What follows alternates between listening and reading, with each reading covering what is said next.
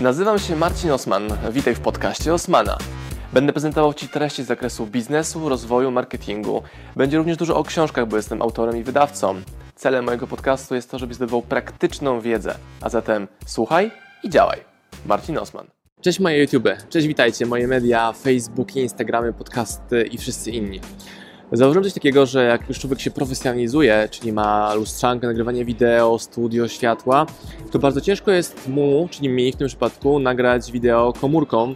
Myślę sobie, nie, to jest słabe, bez sensu, ale z drugiej strony chodzi o content, merytorykę i o dobre audio. Więc, będąc teraz przez kolejne tygodnie w intensywnej podróży, bardzo, bardzo intensywnej podróży, na koniec świata prawie że, będę dla Was tworzył więcej materiałów w formie takiej jak dzisiaj, czyli trochę luźniejszej, w dowolnym stroju jaki jestem, przy jakimkolwiek świetle, które mam, dbając o to, żeby była dobra jakość audio. Więc uwaga, leci przygoda, którą dzisiaj doświadczyłem, która pokaże, w jaki sposób można sprzedawać więcej w Twoim biznesie, na przykładzie biznesu, który nie sprzedaje więcej. Zapraszam. Jestem z klientem specyficznym, który, specyficznym, każdy klient jest specyficzny, każdy klient uważa o sobie, że jest wyjątkowy. Moja wyjątkowość polega na tym, że jak sobie upatrzę jakiś produkt, to ja go po prostu muszę mieć. Z reguły nie są to drogie rzeczy, bo nie chodzi o to, żeby były drogie, tylko jakieś wyjątkowe. I kupiłem sobie rok temu e, w centrum handlowym w Poznaniu t-shirt w sklepie właśnie Be Free. O, tutaj widać logo, Be Free. I on był taki bardzo charakterystyczny i mojemu znajomemu bardzo wpadł w ten oko, wpadł, wpadł mu w ten oko, wpadł mu w oko ten t-shirt. Pomyślałem, skoro jestem w Poznaniu, to kupię mu ten e, t-shirt w prezencie. Zobaczyłem sobie na sklepie online, że jest, dokładnie taki, jakiego potrzebowaliśmy. Nie było opcji kupna tego wersji online'owej, więc no problem, patrzę, jest na stronie, patrzę, w którym sklepie jest dostępny i dostępny w sklepie w Galerii Poznańskiej i tu właśnie przyszedłem. E, chciałem do tego sklepu zadzwonić, ale oczywiście nie było numeru telefonu do tego oddziału. W sumie żadnego numeru telefonu na stronie nie było. A przecież te panie w sklepie mają numer telefonu i nie jest trudne mieć numer telefonu w sklepie w dobie komórek i tanich połączeń. Mówię, dobra, trudno nie ma. Zobaczyłem również na Instagramie, że prowadzą swoje aktywności na Instastory. Więc napisałem do nich, że hej, wpadnę dzisiaj, żeby kupić dokładnie tą rzecz. Oczywiście było to bez żadnej odpowiedzi.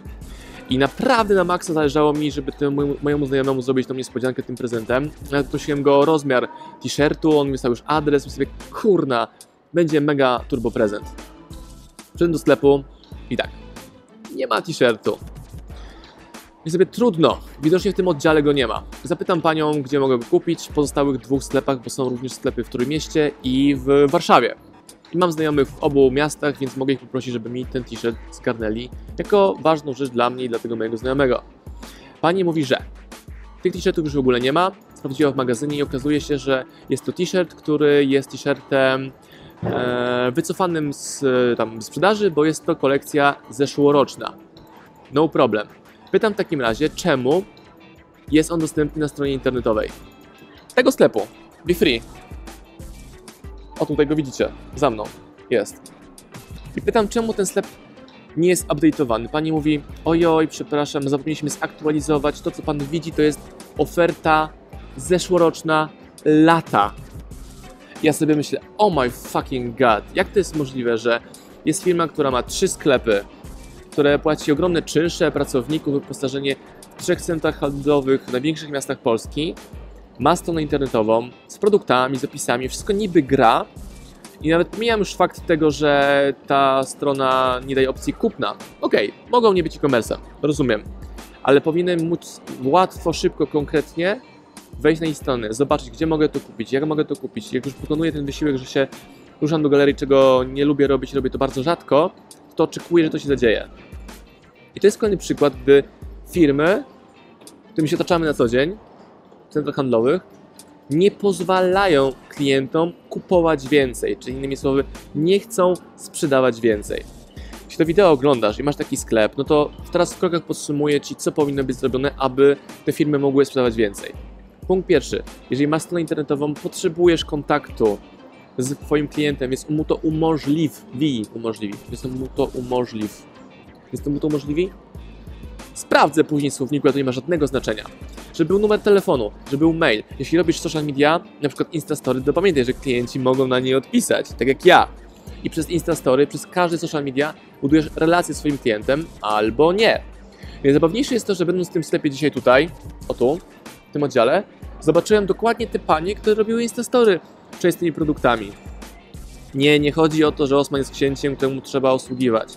Nie, nie chodzi, jestem jakimś trudnym klientem. Nie, chodzi o pokazanie, dlaczego ja tutaj nie mogłem wydać pieniędzy na rzecz, której potrzebowałem. A najbardziej, myślę, irytujące dla przedsiębiorcy, jakim jestem, jest to, że to nie jest kwestia budżetu, nie jest kwestia ludzi, bo są ludzie, którzy pracują, są budżety na to, żeby te czynsze płacić, jest budżet, żeby ktoś tą stronę internetową uzupełnił, jest budżet na piękne zdjęcia modelek w tych ciuchach, ale nie ma tej ostatniego ostatniej mili dopilnowanej, gdzie na styku internetu i retailu bezpośredniego ten klient ucieka, bo nie ma w jaki sposób tego kupić. Ja, była sytuacja, w której shut up and take my money, ale oni nie chcieli tego zrobić, mimo tego, iż naprawdę lubię te produkty, chcę te produkty, ale ich nie ma.